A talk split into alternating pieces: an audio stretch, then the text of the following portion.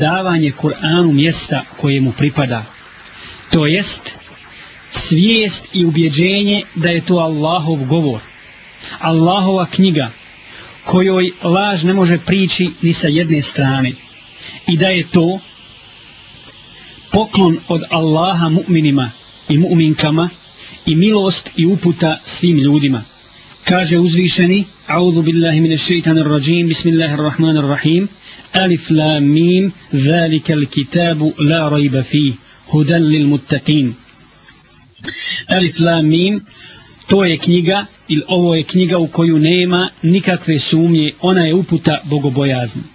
To je dakle posebna hedija bogobojaznima i općenito je poklon svim ljudima da im ukaže na pravi put, na put Islama, na put spasa na oba dva svijeta. To je Allahovo svjetlo koje ljudima osvjetljava put istine. I Kur'anom se, braću i sestre, čovjek na Dunjaluku ne može okoristiti i neće mu koristiti ako ne bude slijedio sljedeća pravila vezana za ponašanje i ada prema Kur'anu.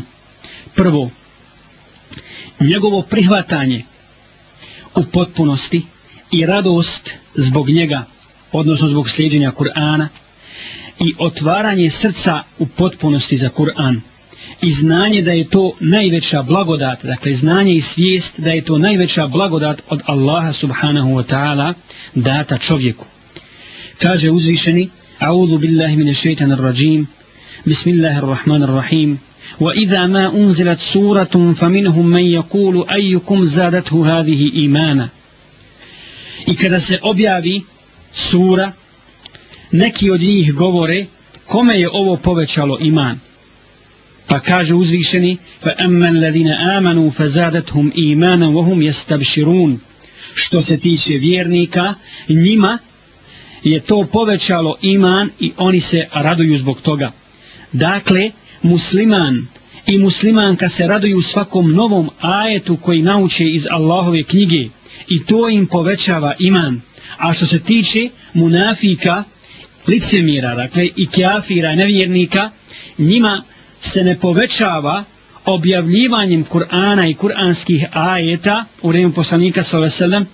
ili upoznavanjem u svakom drugom vremenu posle poslanika s.a.v. sa bilo kojim ajetom ništa osim njihov kufr. Dakle, samo im se povećava njihovo nevjerstvo jer oni poriču istinitost Kur'ana. To je prva stvar.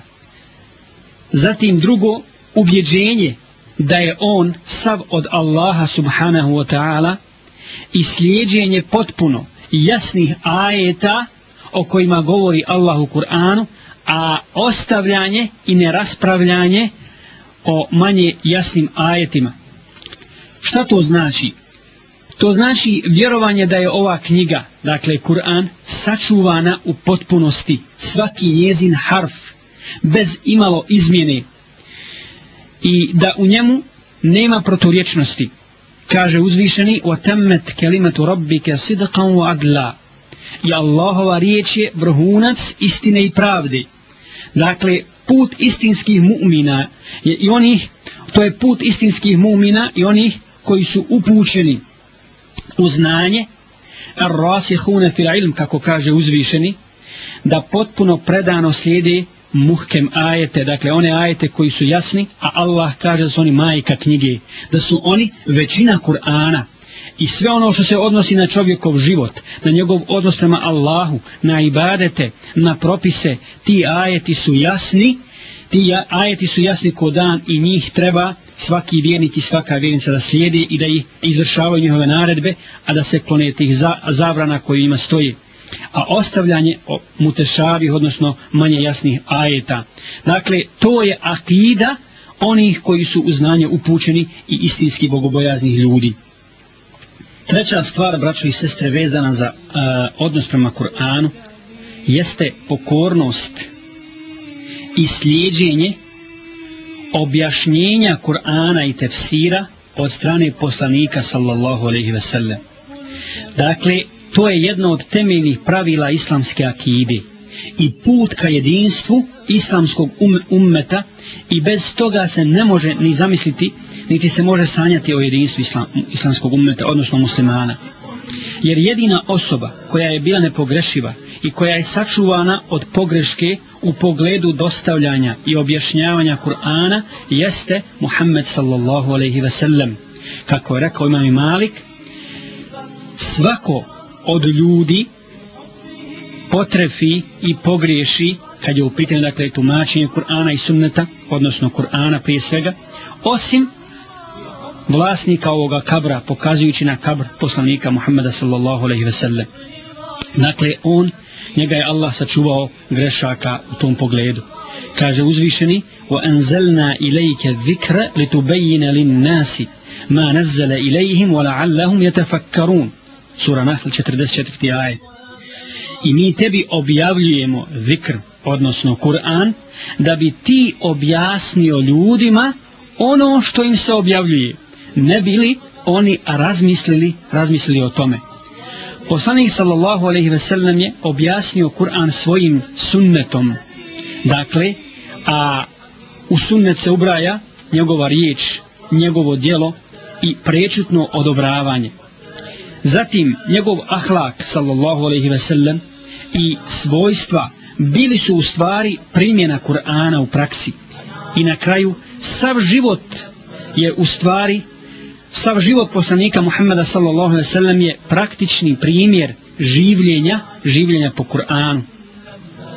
Zatim četvrta stvar jeste izvlačenje propisa na osnovu dokaza treba prepustiti ulemi. Ovo je vrlo važna tačka takođe kad je u pitanju naš edeb i naš odnos prema Kur'anu kao Allahovoj uputi, kao Allahovoj riječi. Sve ono što se samo po sebi jasno ne razumije i što je teško razumjeti običnim ljudima, muslimanima, koji znaju temelja akide i koji znaju propise, to treba prepustiti učenjacima. Kaže uzvišeni, فَسْأَلُوا أَهْلَ الذِّكْرِ إِن كُنْتُمْ لَا تَعْلَمُونَ pitajte učene ako vi ne znate sura Anbija 7. ajet.